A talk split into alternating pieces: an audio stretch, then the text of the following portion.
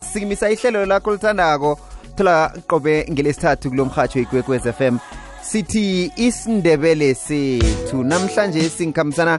nomfundisi usd mahlangu bambisene nomfundisi ump mabhena basilethela indaba yokubuyekwezwa kwebhayibheli nokutshugululelwa kwalo elimini lesindebele ngokupheleleko mfundisi umahlangu angikulotshise ngikwamukele emhathweni ikwekwez f m sithembe ukuthi nihlwile mfundisi sithokoze um kusheshe ngithi esilotshisako lungwa thokoze khulu kwamambala mfundisi angena kuwe-ke mfundisi umabhena lelithingile mfundisi lotshani ninamukelwe emhathweni ikwekwezi akwande eh kusheshe nabalaleli siyathokoza asithomeke ngawe mfundisi umabhena kokuthoma asikuthokozise ngokuthola iziqu zakho zobudorhotera i-phd hayi yadliwa incwadi lapha ekhaya mfundisi umabhena-ke iziqu zobudorhotera lezi eh ngezani ozitholile kwezi eh iziqu lezi yes eh, eh language eh, linguistics and literature kusho ukuthi ke ilimi eh zemihlolo kanye ke ne linguistics eh isifundo se um sezelini siyakuthokozisa mfundisi siyakuthokozisa sithokoze khulu kwamambala eh, ungangivumela msingithi dohotera mabhena kuyini-ke ihloso eh, dohotera mabhena yokubana eh kube khona kwenu ehlelweni lanamhlanje si nihloseni ukuthi nibe ingcenye ehlelo ngikuphi enifuna ukukuchiya nomlaleli mfundisi udohotere umabhena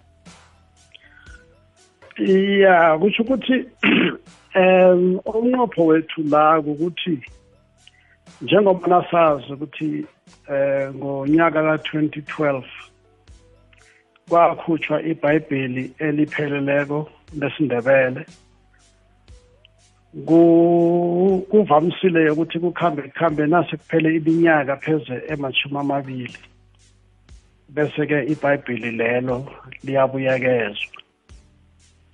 nawubuyekezwa koke eh vane kuqalwe ngoba kuyenzeka ukuthi mhlawumbe nalukhutshwako kwaba khona iimponjwana ezivelako um imphoso ngisho ukuthi imphoso eziba khona njengokupeledwa mhlawumbe kwamagama okungahlali kuhle kwezinye izinto mhlawumbe kungavizeke kuhle kwamagama athileko njalo njalo njalo njalo into ezinjalo eh ihlangano le yeBhayibheli iya iyawupha umphakathi namkha abasebenzisi belimi le lelo ukuthi ke ngemva kweminyaka ethileko babe nakho ukuthi ke bathumele iimphoso abazibonileko kanye nalokho ababona ukuthi mhlaba kubahlalile kuhle bese-ke nalobuyekezwako bese-ke ziyalungiswa umnqopho-ke wethu omkhulu ngilowo ukuthi-ke sibawe emphakathini wethu abasebenzisi be abasebenzisi belimi lesindebele abasebenzisa ibhayibheli leli basize ekutheni eh njengoba mhlawumbe bathoma ukulifunda ngabo-2012 bekube nje ngiziphi imphoso abahlangabezane nazo eh ngikuphi abangathanda ukuthi thathana basho mhlambe kungahlaliswa kuhle mhlawumbe kubahlalela ukuhle eh abafundisi mhlambe ke nabalishumayelako balisebenzisa ngekuphi ababona ukuthi mhlambe hayi la kwangathi lingaba nje la lingaba nje ngilokho esizothanda ukuthi ke eh umphakathi wethu usize ngakho ngiyathokoza kuzwakele torhotere umapena mfundisi mahlangu umnyaka lo ka-2022 kuhlangana iminyaka elithumi yoke kwaba nebhayibheli epheleleko yesindebele ungasivezela-ke umsebenzi we owenziweko ngebhayibheli leli elikhona njenganje ya kusheshe angithokoze ngibuye ngilotshise godi nakubalaleli behlelo ngiyawuthokoza umbuzo wakho mtshetshe ubaba bekathi ukuthini ukuthi kusebenzeke njani namkha iye ubaba ngawubuyelela umbuzo ngithi mfundisi ungasivezela umsebenzi owenziwe ngebhayibheli elikhona njenganje ngombana lathoma ukusetshenziswa ngo-2012 kule minyaka eyithumi le sibuyekeze nje umsebenzi owenziweko ukuthi ibhayibheli seleligcina likhona leli esilisebenzisako ya ibhayibheli libe negalelo elikhulu emphakathini wekhethu khulukhulu kithi thina amandrebele ebesingenalo ibhayibheli isikhathi eside ngokuba nalo sizwe nabaningi emhathweni nendaweni ezahlukahlukene balisebenzisa ibhayibheleli njengencwadi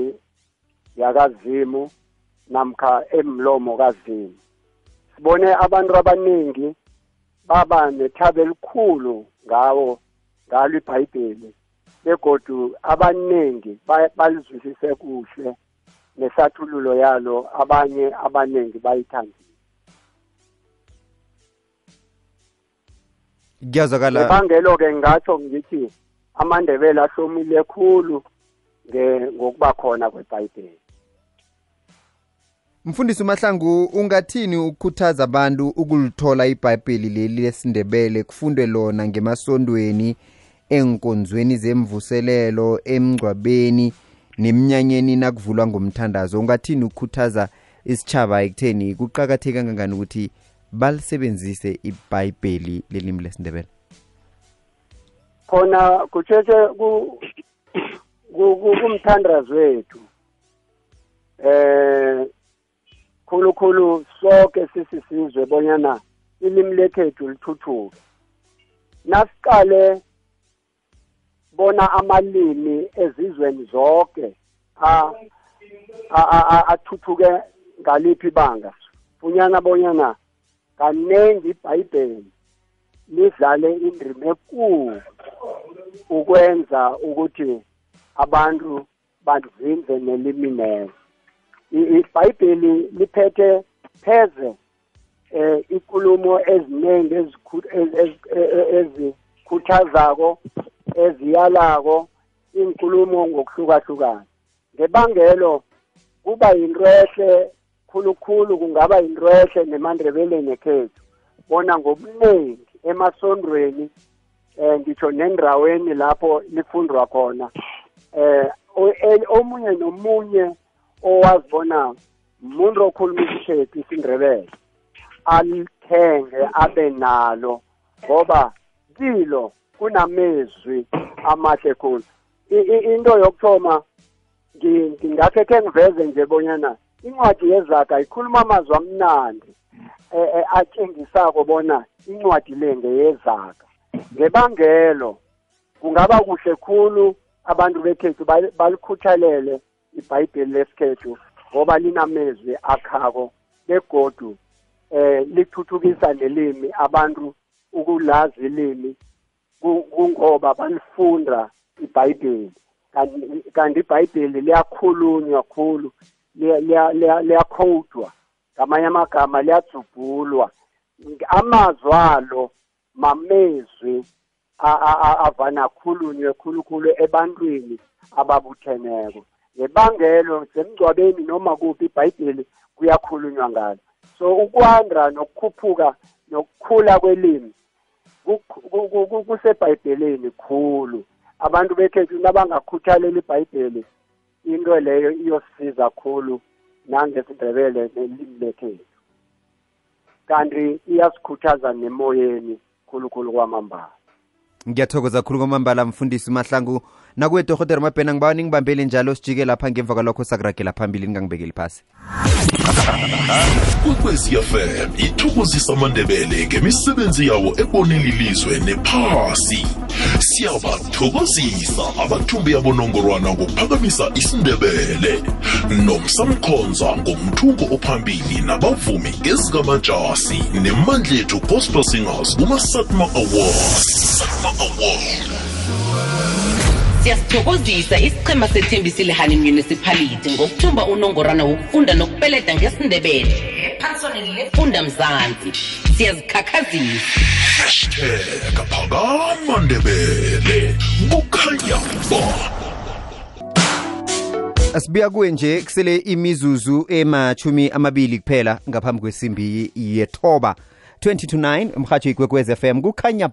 kubhubha isindebele sethu lihlelo elivezwa ngubranko nkambule olithola kulo mhatsho qobe ngelesithathu ngo-half past 8 o'clock inthekeli zami namhlanje si ngumfundisi u-sd mahlangu nomfundisi u-mp mabhena sitshetshe indaba yokubuyekeza kwebhayibheli nokuchugulela kwalo-ke elimini lesindebele ngokupheleleko ngiyathokoza uh, eh, ke mfundisi umahlanga ukuthi ungibambele njalo nakuwe dohotera umfundisi umabhena dohotera umabhena nasiragela phambili ngekulumo yethu indaba kulu ngeyokubuyekezwa kwebhayibheli kwehlandla elilandelako ikambiso leke iyokuthoma nini ukuthi kubuyekezwe ibhayibheli lelimi lesindebele um kusho ukuthi njengoba sisemoyeni nje namhlanje kulihlelo lokuthoma esilethulako sizolindela um umphakathi ukuthi uthumele imphakamiso uthumele mhlambe lokho abaku abakubonileko abakulungisako bese-ke mhlambe-ke nasele sibona ukuthi-ke indima iyaraga eh kunengana mhlambe kuyabonakala kukhona noma ngasikuningi lokho nje abakuvezayo eh bese mhlambe ke siyathoma-ke kodwana kwanje ngingasho ngithi-ke sesithomile noma singakathomi nje mhlawumbe ngokuhlelekileko ngathi mhlawumbe formal kodwa nasithomile nje ukutshetsha lapha nalapha ezinye zemphakamiso nezinye zemphoso esazibonako nathi nasilifundako ukuthi mhlambe la kunephoso eh typing eh, eh, eh error mhlambe-ke igama lingakapeda takuhle sikubuthelele lokho kukhona kodwa nanje besingafuni ukuthi-ke sivalele umphakathi ngaphandle sifuna-ke umphakathi ngoba ngibo abasebenzisa ibhayibheli khulu ngibo abatshumayela ngalo emasondweni ngibo abalisebenzisako balibona imihla namalanga bayabona la kunesidingo lokukhona manje-ke siza kulinda iimphakamiso lezi abanazo ukuthi-ke mhlawumbe bazithumele bese-ke siyathoma-ke ngasho ukuthi pheze mhlawumbe-ke kungaba singathoma unyaka unyaka olandelayo njengoba unyaka uyakuphela nje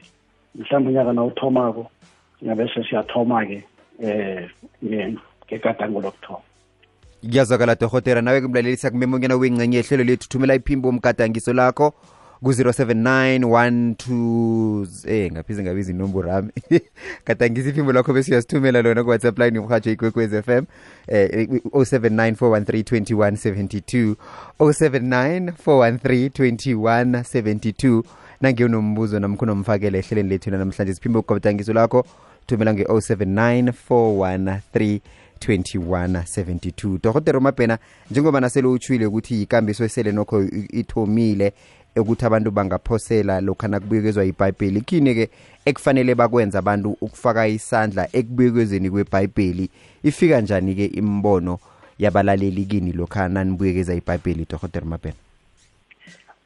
um ngokuthoma akhe ngihlahlule indaba yokuthi kwesinye isikhathi abantu siyithatha ngasuthi ibhayibheli alikalindeleki ukuba nemphoso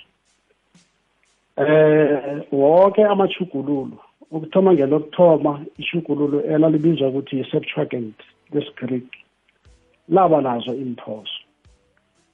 nawo woke amashugululo ayaba nazo iimphoso lapha nalapha manje-ke nalo lento esikhethu akusi mhlolo of mhlawumbe akusi yinto e, e, e, erarako ukuthi zingaba khona iimphoso sengisho ukuthi-ke umphakathi wekhethu ungarareki begodwa unga unga ungaphela amandla eh mhlawumbe bathi hey kunemphoso woke amashugululo anjalo eh nasele ngilasibona imphakamiso lezi banazo bangasihlolela bahlole eh bathumele mhlambe lapha ku-bible society i-address ithi noma kha isiphande sithi i-bible bible society 134 edward street belleville po box 5500 tiger valley 7536 um uh, khe ngibuyelele Bible Society of South Africa, 134 Edward Street, Bellville, P.O. Box 5500 Tiger Valley 7536. Mhlambe ke bese baya bayatsho ke ukuthi ke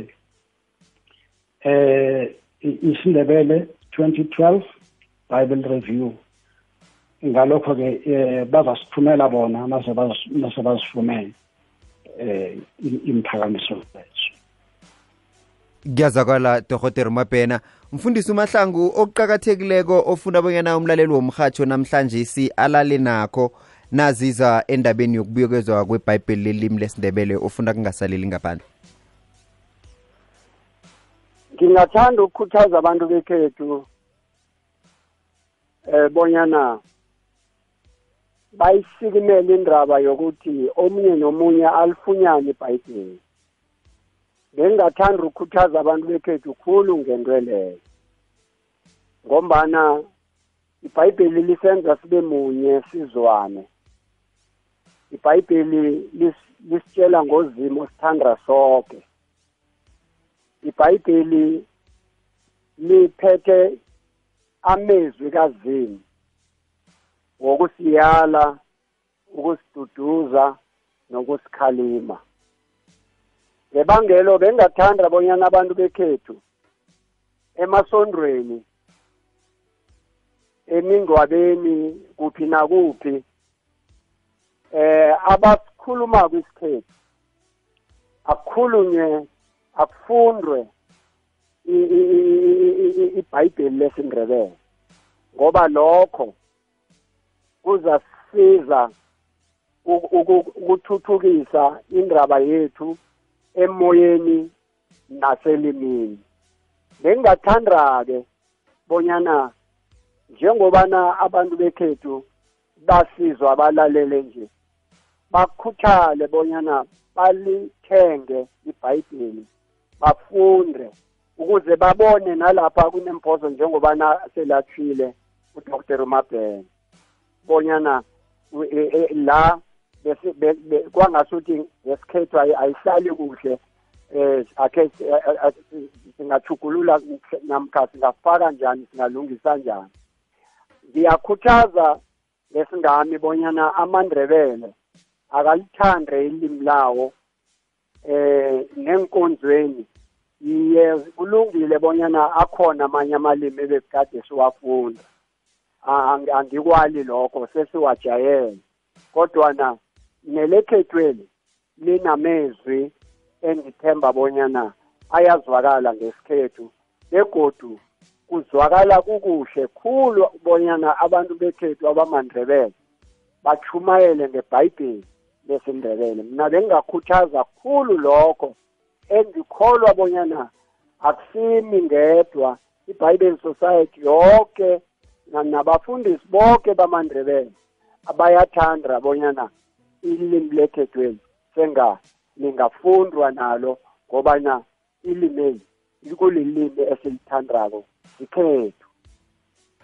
kuyazwakala mfundisi mahlangu thokoza thina nasele asiswa ngeke eh, dohotera umabhena ngokuthi hlangana nokhunye na uyisongako nje ubuye godu usitshele imininingwane nasa lapho imphakamiso zingathinga khona zabalaleli wakho wokugcina dohotera bese uzasinikela nemininingwane leyagodu ngiyathokoza ukuthi-ke eh umhasho usiphe ithuba leli eh emahlele njengoba sizokuhlala sindawonye pheze eh, kufikela unyaka ozabe ekuthomeni ke kuyinto ehle khulu leyo okhunye-ke ukuthi-ke sithole ithuba lokuthi sibandakanye umphakathi ngoba ngaphandle komphakathi wekhethu akunalitho esingamenza thina njengabashugululi akusilo ilimu lethu akusilo ibhayibheli lethu kodwa nakulilimi lesitshaba kulibhayibheli lesitshaba ngalokho-ke um abantu bekhethu abakhuthale bafake isandla basisize balifunde ibhayibheli bathumele iimphakamiso zabo laphaya esiphandeni esithi bible society of south africa 134 edward street belleville po box 5500 tiger valley 7536 baza kutsho-ke eh bahlathulule ukuthi